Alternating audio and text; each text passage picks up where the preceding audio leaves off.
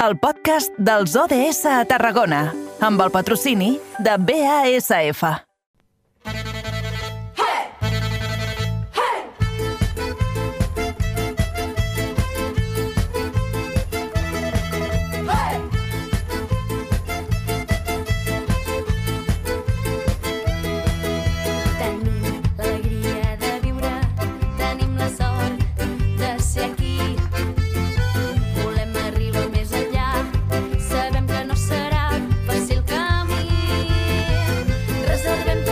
Som-hi va amb les criades de la roba estesa de fons. Tots vostès saben bé que tintem el programa de color lila. Tintem el programa violeta. Avui, objectiu de desenvolupament sostenible número 5, igualtat de gènere. De fet, al llarg dels propers minuts el que farem serà parlar de l'11F, el Dia Internacional de la Dona i la Nena en la Ciència. Això era Dissabte passat, en Giramayo des de la nova ràdio de Reus. Bona tarda, bon dimarts. Molt bona tarda, Eduard. I sí, el que volem és conèixer més sobre aquest dia i també les seves implicacions. I per això saludem l'Olga del col·lectiu Cau de Llunes, que cada 15 dies ens visita. Molt bona tarda, Olga, i benvinguda. Hola, bona tarda. Olga, dèiem dones, nenes i ciència. I encara no reconeixem a les nostres dones i a les nostres nenes científiques. Per què és això? Bueno, perquè la ciència ha estat sempre un món molt masculinitzat, no? Sabies que era un món que no es pensava que, que les dones no hi pertanyien. Um, de fet, bueno, tenim molts exemples en la història on, on ha dit a les dones que ja no era el nostre espai. Eh, així, amb la recomanació, hi ha un documental que diu Mercury 13, que és d'un conjunt de dones que van estar fent els entrenaments astronautes per anar a la Lluna durant els anys 60 als Estats Units i ho feia fins i tot millor que els homes, però va arribar un punt que van dir "Mm, no, no, és que no ens serveix, només volem que, que hi vegin homes perquè això no us toca, no? Eh, I exemples com aquests doncs, demostren que, que se'ns ha volgut expulsar d'aquest camp. Però les dones hi són i el problema és que potser a vegades tampoc les mirem. Uh -huh. De fet, a llocs com les enginyeries, les robòtiques, laboratoris, uh, també van en aquest pensament de que les dones no, no hi tenen cabuda o hi ha aquest pensament uh, en, en l'imaginari col·lectiu. Com podem fer per capgirar aquesta situació, aquest pensament, aquesta manera de- d'entendre la nostra ciència? Bueno, una cosa molt important és que ens falten referents, no? Eh, que, que no tenim referents dones que, que es coneguin i, i n'hi ha moltes, n'hi ha moltes dones que han fet eh, aportacions molt, molt importants en tots els camps de la ciència i, i fa falta donar-los visibilitat. I per altra banda, en entorns que encara són masculinitzats, doncs s'han de preguntar quines pràctiques i, i quins entorns estan construint perquè no hi vegin dones, no? Perquè a vegades també aquests entorns doncs, són hostils o, o ja tenen unes dinàmiques molt masculines que dificulten la incorporació de les dones. Mm. Uh, Olga, no sé si estaràs d'acord, però que uh, això amb els últims anys uh, uh, s'ha uh, anat redreçant. No sé si és gràcies a la celebració del uh, Dia de la Dona i la Nena en la Ciència o perquè realment, uh, sí, uh, pas a pas, encara que siguin uh, petits, anem avançant en aquesta direcció. De, de Sí, fet, la, la, eh, si entréssim a, a, a la facultat a, a, a dia d'avui, tot i que els percentatges eh, entre homes i dones eh, estudiant doncs, aquest tipus de eh, carreres eh, són molt diferents, segurament que veuríem ja un canvi de tendència si ho comparéssim amb anys anteriors. Crec que depèn bastant de, de quina carrera ens estem mirant, perquè hi ha carreres de ciències que sí que ja estan feminitzades, estem parlant de biologia, de medicina i tot això, la, les dones són majoria ja en, en aquests entorns, però encara hi ha, hi ha carreres que estan molt, molt, molt masculinitzades, mm, com per exemple certes enginyeries, eh, el tema informàtic, tot això, eh, les, eh, diria que la xifra de dones no passa del 10%. Uh -huh.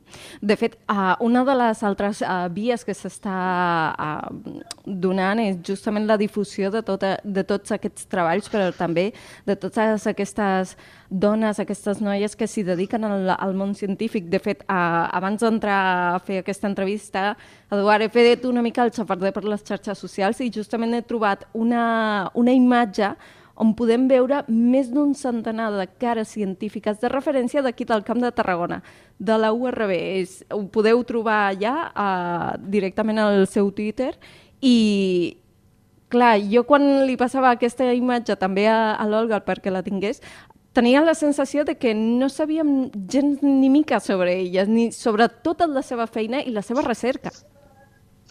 Sí, sí, sí, això es fa aquí al territori també tenim molt bones dones científiques i tampoc les coneixem.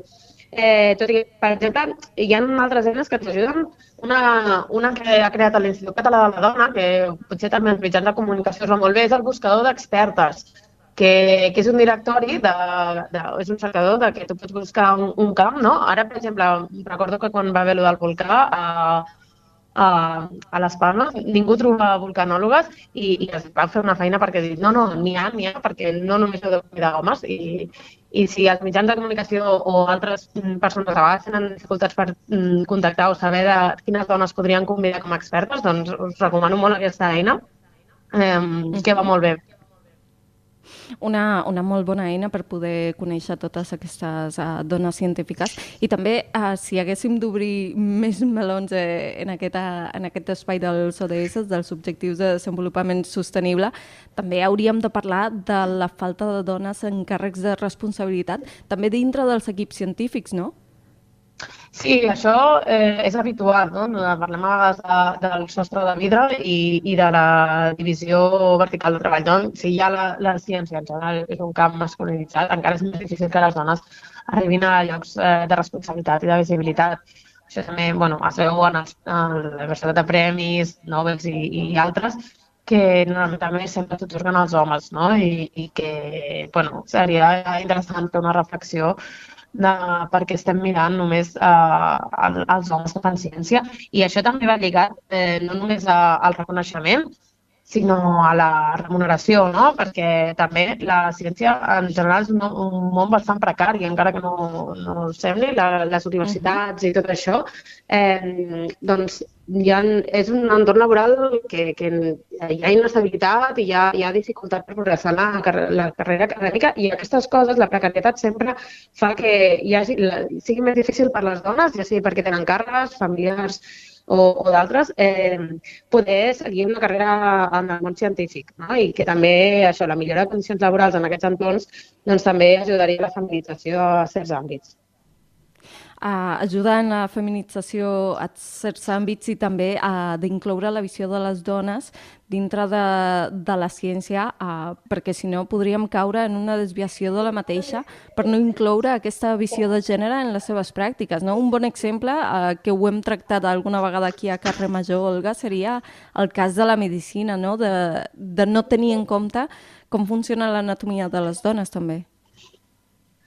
Sí, el cas de la medicina és un exemple molt paradigmàtic. Eh, també hi ha altres, com per exemple amb el tema de la programació i de la intel·ligència artificial, doncs eh, hi ha hagut alguns articles que, que han parlat que a vegades el codi que es programa doncs, acaba donant resultats que tenen biaixos racistes i de gènere perquè les persones que ho programen són, són homes en, en la seva majoria i, i aquestes tecnologies acaben reproduint aquests biaixos, no? Així que on menys ens, ens pensem, doncs continuem trobant a, a aquests biaixos de gènere. Per cert que, eh, relacionat amb tot això que hem eh, eh, tractat i que comentàvem ara també, posant d'exemples la Universitat Rovira i Virgili, eh, hem d'explicar que la Unitat d'Igualtat de la URB eh, edita cada any eh, un calendari que està dedicat a les dones que han estat rellevants en un àmbit de, de coneixement eh, determinat. Per tant, eh, jo crec que l'ocasió eh, s'ho val, eh, ara que tot just eh, acabem de començar, bé, és 14 de febrer, encara ho, encara ho podem migdia, acabem de començar el 2023, és una bona ocasió sí. per uh, fer-se amb, amb aquest calendari.